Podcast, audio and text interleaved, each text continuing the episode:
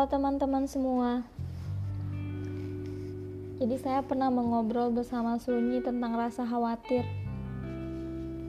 Katanya Sunyi, hidup bukanlah perihal kesempurnaan di masa depan, melainkan perihal penerimaan pada saat ini, di sini dan kini. Kalau perihal kesempurnaan di masa depan, kita punya impian yang begitu sempurna tentang hidup yang ingin kita miliki. Lalu, apa pun yang kita sudah punyai sekarang ini, kita rajin sekali membandingkannya dengan berbagai impian tersebut.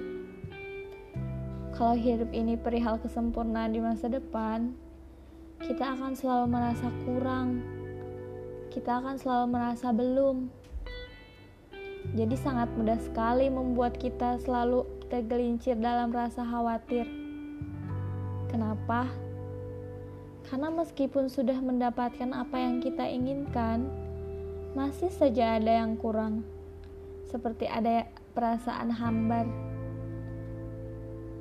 Sunyi mengatakan kalau kita harus saling mengingatkan bahwa hidup ini perihal penerimaan pada saat ini, di sini dan kini. Berbeda ketika kita menerapkan pola pikir bahwa kesempurnaan di masa depan yang selalu beranggapan bahwa hanya bahagia ketika mendapatkan yang kita inginkan. Tapi pola pikir penerimaan pada saat ini lebih memilih bahwa berbahagialah di setiap langkah dalam setiap perjalanan.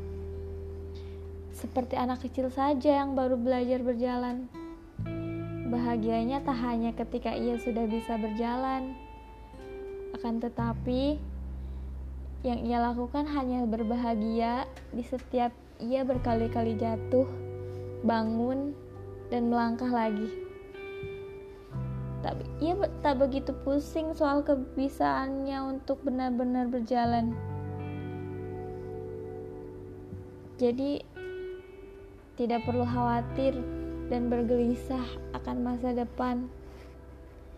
Kita juga tak perlu segitunya ingin memastikan masa depan, karena bagaimanapun masa depan akan selalu menawarkan ketidakpastian. Pesan sunyi, kurangi khawatir, dan belajarlah hidup mengalir. Terima kasih, Sunyi, sudah mau berbagi.